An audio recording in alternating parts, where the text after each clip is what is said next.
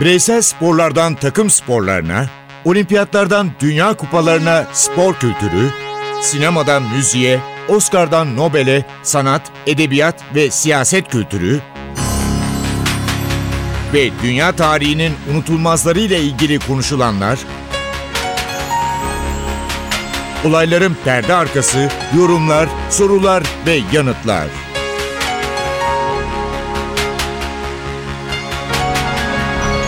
Ercan Taner ve Mert Aydın'la Ateş Arabaları başlıyor.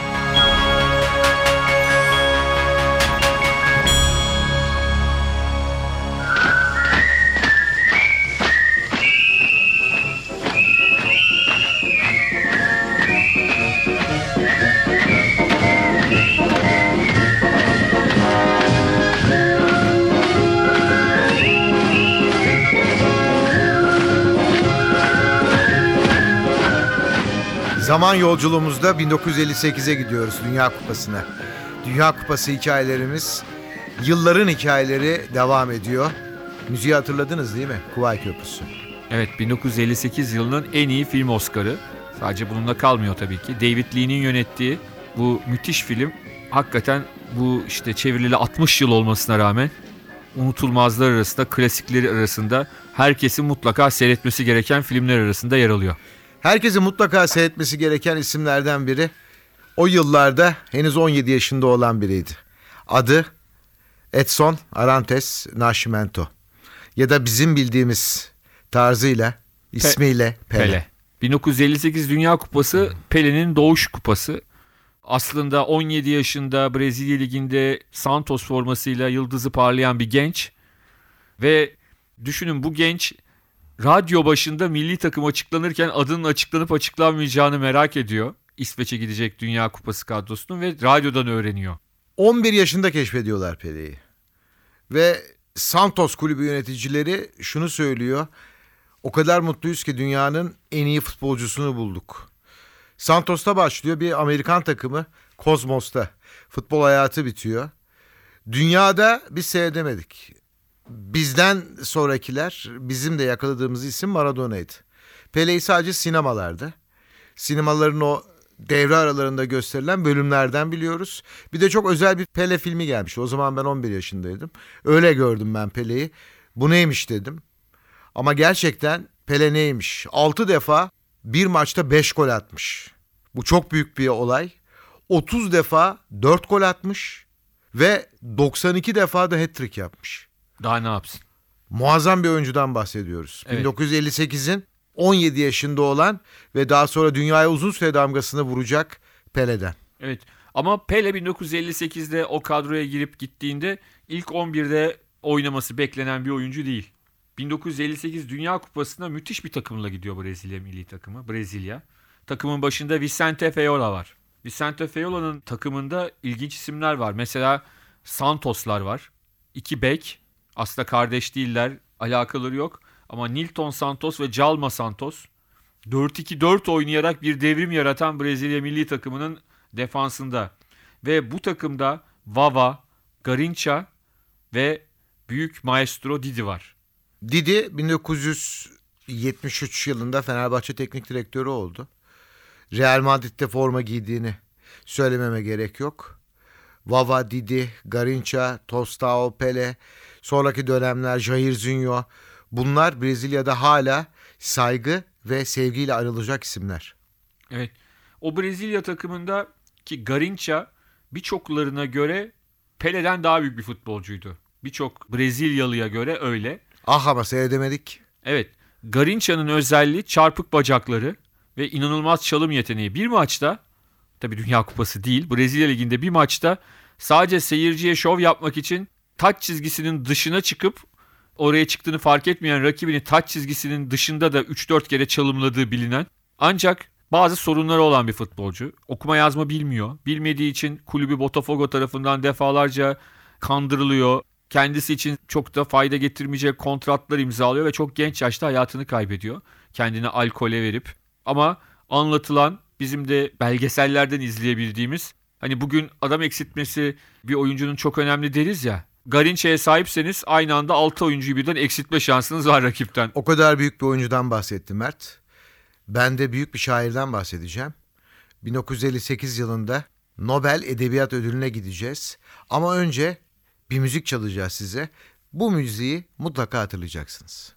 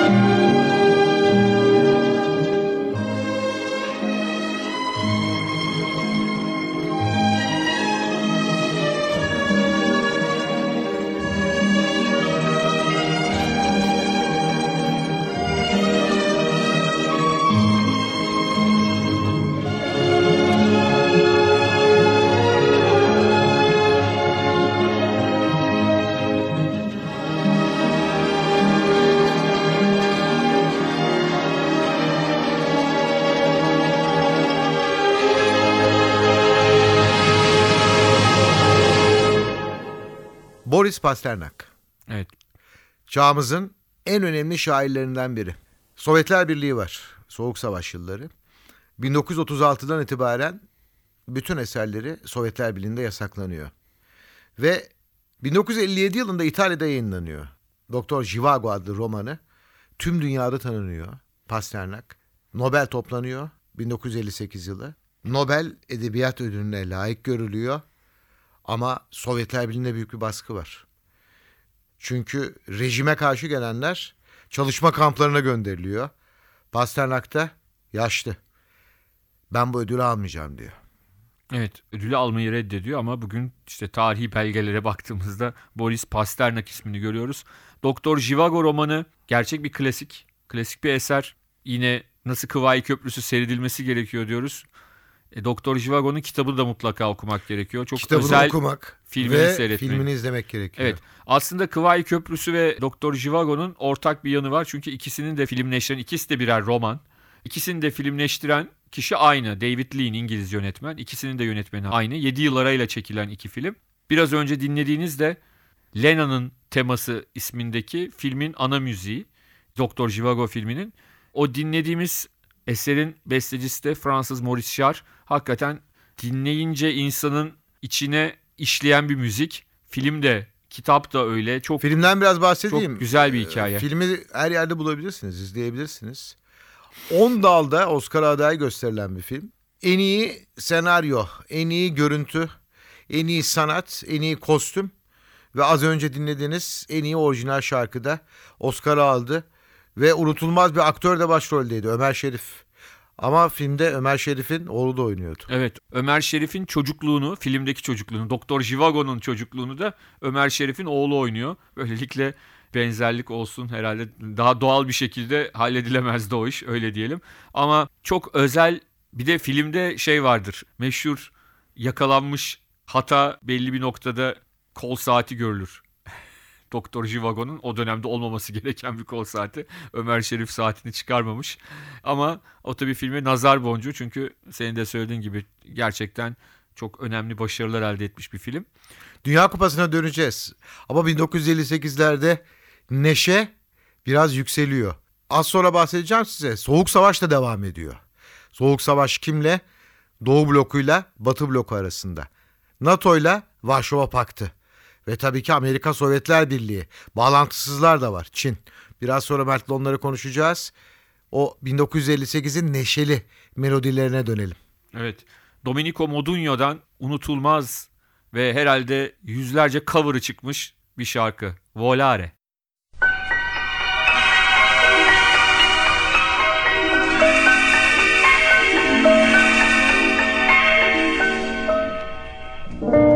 Penso che un sogno così non ritorni mai più. Mi dipingevo le mani e la faccia di blu. Poi d'improvviso venivo dal vento rapito e incominciavo a volare nel cielo infinito volare.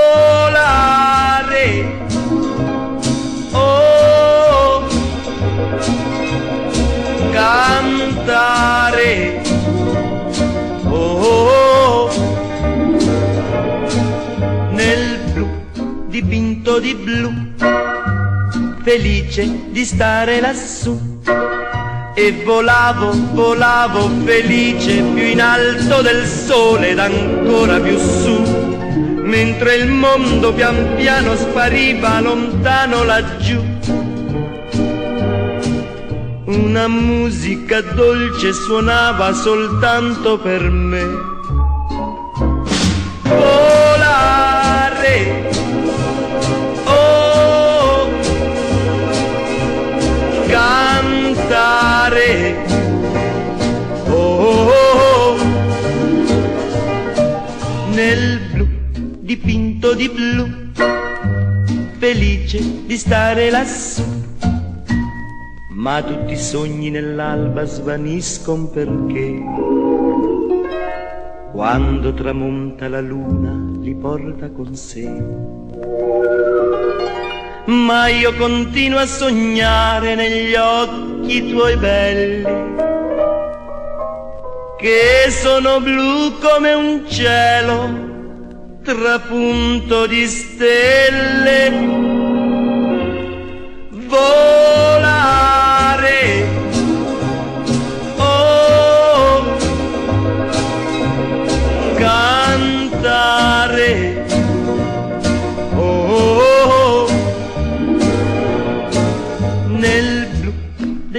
occhi tuoi blu felice di stare qua giù e continuo a volare felice più in alto del sole ed ancora più su, mentre il mondo pian piano scompare negli occhi tuoi blu.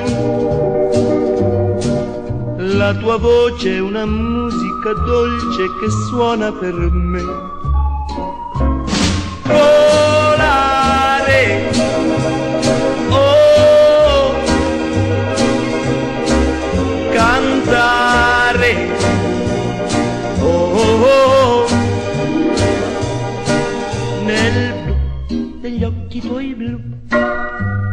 Felice di stare qua giù. Nel blu degli occhi tuoi blu, felice di stare qua giù con Birçoğunuz eminim aa 1958 mi dediniz ama evet doğru 1958'in en önemli şarkılarından biri. Cold War, Soğuk Savaş. NATO Batı İttifakı, Varşova Paktı komünist ve bu pakta üye olmayan diğer komünist ülkelerden oluşan bir pakt. Ve bağlantısızlar var. Çin ve şimdi olmayan Yugoslavya. Bunlar biraz daha Doğu blokuna yakınlar. İkinci Dünya Savaşı'nın hemen arkasından dünya böyle bölünmüştü. Soğuk Savaş'ta birçok günahsız insan hayatını kaybetti.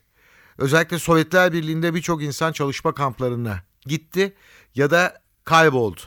Peki sonuçta ne oldu? NATO kazandı. Doğu Avrupa'da bütün komünist rejimler çöktü. Almanya birleşti ve Sovyetler Birliği dağıldı. Daha uzun konuşulur ama dediğim gibi e, yeni bir kitap okuyorum. Sovyetler Birliği ve Çarlık. Ruslar bahsediyorlar. Hatta 2015 Edebiyat Ödülü sen tavsiye etmiştin. Evet. Alekseyevich'in kitabı. Svetlana Alekseyevich'in kitabı. Orada Rus halkıyla yapılan röportajlar var. Yaşlardan biri diyor ki Nobel ödülü almış kitap. Biz diyor şunu gördük. Çarlık rejimi iki günde çöktü. Sovyetler Birliği'nin çöküşü de üç gün oldu. Hiç çökmeyecek zannettik. Aslında Bu- tabii ki bu içten çürümeyle ilgili bir şey. Yani tabii ki görünüşte 3 günde çökmüş olabilir ya da diğer 2 günde ama aslında uzun bir sürecin devamı diyebiliriz. 1958 Dünya Kupası'nda Türkiye ne yaptı? Ona bakalım. 54'e katıldığımızı geçen hafta anlatmıştık. 58'de bizi Asya grubuna yolladılar. Ve İsrail'le eşleştik. Ve büyük ihtimalle de konuşulan Türkiye'nin İsrail'i çok rahat geçerek finallere katılacağı şeklinde. Ancak Türkiye politik bir karar vererek Asya grubunda olmak istemediğini belirterek çekildi ve elemelere katılmadı. Bu yüzden de 1958 finallerine gitme şansımız hiç olmadı. Öyle bir ihtimal hiç olmadı. İlginç 1954'ün şampiyonu Batı Almanya'ydı. Geçen hafta konuşmuştuk. O takım tam 7 oyuncusunu kaybetmiş durumda 58'e geldi.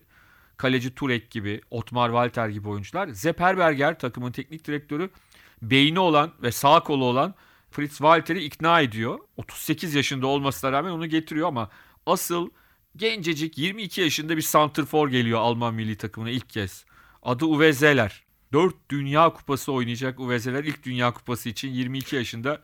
e, İlklerin kupası 17 yaşında Pele ve Uwe Zeller. Evet ki şöyle diyelim Uwe Zeller çok büyük bir futbolcu. Çok büyük bir santrfor. 58, 62, 66, 70 Dünya Kupalarının oyuncusu. Ayrıca işte Hamburg'un büyük yıldızı. Şu anda torunu da Alman Ligi'nde oynuyor ama torunun adı Levin Öztunalı. Çünkü kızı bir Türk futbol adamıyla evli. Uwe Zeller'in ve torununun soyadı da Öztunalı. Brezilya birinci şampiyonluğunu kazandı. Finalde İsveç vardı. Üçüncü Fransa oldu. Dördüncü o zamanki adıyla Federal Almanya ya da Batı Almanya. Hangi ismi seviyorsanız. Ama dördüncü olan takımda Federal Almanya oldu. Bir de bir rekor kırıldı Ercan abi. Dünya Kupası gol kralı Just Fontaine Fransız futbolcu 13 gol attı. Bu şu ana kadar bir kupada atılmış en yüksek gol sayısı bir futbolcu tarafından. Sonra fenomen Ronaldo ne yaptı? Onların hepsi geçtiler. Klose'de Ronaldo'yu geçti ama bir kupada Just Fontaine bir kupada 13 gol attı. Diğerleri 3-4 kupada doğal olarak toplayarak attılar ama Just Fontaine farklı ve de çok ilginç. Bu rekor hala kırılamadı. Esas mesele Çok bu. zor kırılması. İşin ilginç yanı o turnuvada Fransız milli takımının forvetini oluşturan Fontaine, Copa ve Piantoni üçlüsüden en az biri gol attı her maçta. Yani o üçlünün boş geçtiği herhangi bir maç olmadı. Bunu da ilginç bir nokta olarak söylemek gerekiyor. Razunda Stadyumunda oynandı final. 50 bin kişilik bir stat Razunda Stadı. Finali anlatacağız, konuşacağız. Çok gol var çünkü finalde. Bunu belirteyim sizlere. Ama 1958'in o güzel melodilerine gidelim şimdi. Evet. Elvis Presley, gencecik bir Elvis Presley. O da Elvis'in daha- ilk yılları onu söyleyeyim. İlk yılları onun belki de o anlamda daha az akıllarda kalan bir şarkısı diyelim. Don't,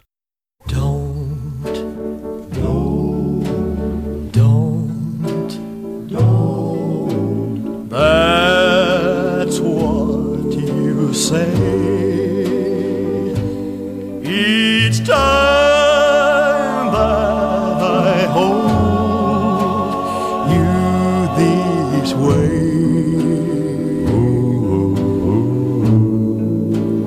When I feel like this and I want to kiss you, baby, don't say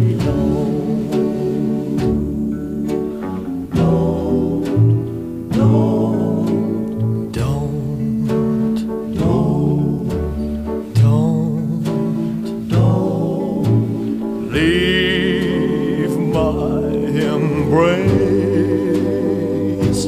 For here in my arms is your place. When the night grows cold and I want to hold you, baby, don't say don't,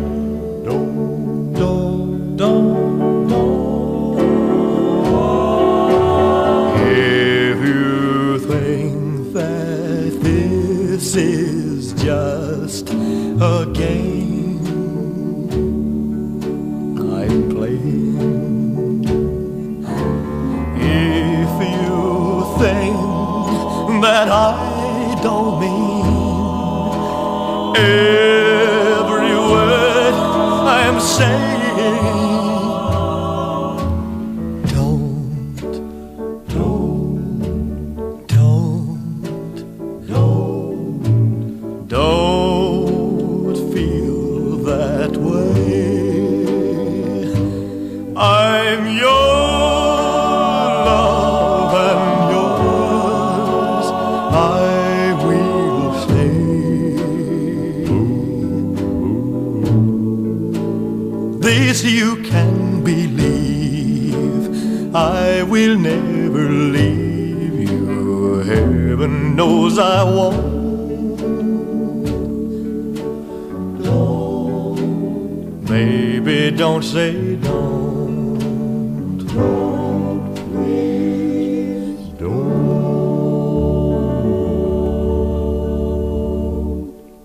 Elvis'in ilk yılları şarkının adı Don't.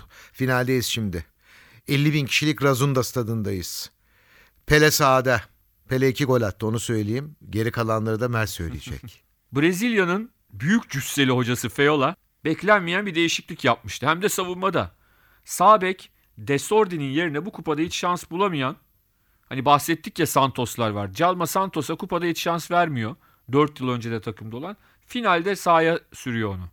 Bu tercih özellikle iki Santos'un Hamrin ve Skoglund karşısındaki performansı Feola'nın dehasını ortaya koyuyordu. Daha dördüncü dakikada Gren'den aldığı topla ceza alanına giren Lidholm Gilmar'ı avladı ve İsveçliler 1-0 öne geçti dördüncü 50 bin kişilik Razunda stadında İsveç 1 Brezilya 0. Bu turnuvada Brezilya ilk kez geriye düşüyor. Ama bu sevinç sadece 5 dakika sürüyor. Çünkü Zito'nun beslediği Garinça sahada rakiplerini farklı farklı yönlere götüren çalımlar atıyor. Ortasını yapıyor, Vava dokunuyor ve durum 1-1. Vava da bu Dünya Kupası'nın yine en önemli oyuncularından biri. Pele'nin şutu direkten dönüyor. Ama sonrasında 32. dakikada Garinça yine sağdan geliyor. İlk golün birebir aynısı. Ben belgeselde de izledim. Hakikaten neredeyse aynı gol. Yine Garinça sağdan getiriyor, ortalıyor, Vava dokunuyor, aynı şekilde dokunuyor ve 2-1 öne geçiyor Brezilya. Brezilya'nın 2-1 öne geçmesi İsveç'i bayağı sarsıyor. Ardından 55. dakikada tarihin en güzel finalde atılmış en güzel gollerinden biri Pele'den geliyor. Pele'nin ayağıyla havalandırıp attığı gol. Unutulmaz gol. unutulmaz gol. Ardından Zagallo daha sonra Brezilya milli takımını da çalıştıracak olan Zagallo 4-1. Mario Zagallo. Evet 4-1 yapıyor. Simonson 4-2 yapıyor ve Pele perdeyi kapatan golü atıyor. Maç 5-2 bitmiş. Herkes çok memnun.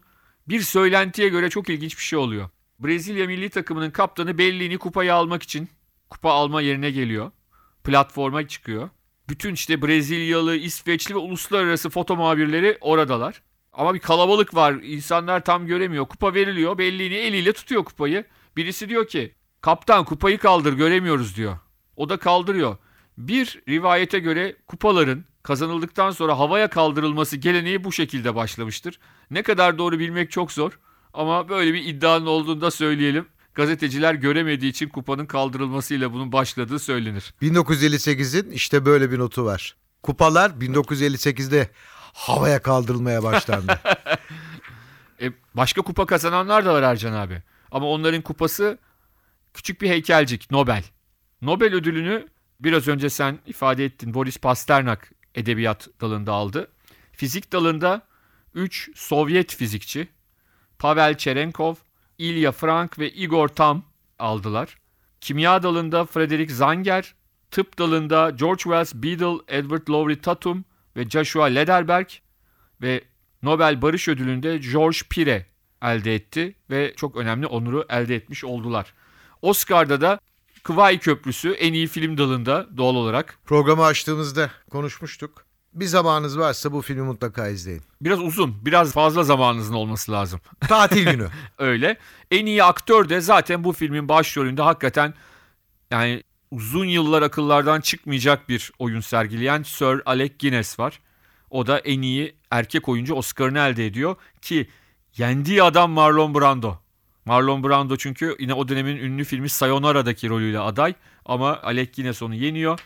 En iyi kadın oyuncu dalında ise Joanne Woodward, Paul Newman'ın karısı, eşi, Eve'in 300'ü filmiyle bunu elde ediyor. En iyi yardımcı erkek oyuncu Sayonara filmine gidiyor Red Buttons'a. En iyi yardımcı kadın oyuncu da yine Sayonara'ya bir Japon aktrise Miyoshi Umeki'ye gidiyor. Film dediğim gibi Kıvay Köprüsü filmi müziğiyle, oyuncularıyla birinci sınıf, yönetmeniyle birinci sınıf bir şekilde karşımıza çıkıyor. Elvis'in ilk yılları dedik. Marlon Brando yine gençliği. Yine Oscar'ların etrafında dolaşıyor Marlon Brando. Ama yavaş yavaş müzik grupları artık ortaya çıkmaya başlamış durumda. 1958 yılında. Onlardan birini dinleyeceğiz şimdi. Evet, Everly Brothers söylüyor. All I have to do is dream. Dream, dream,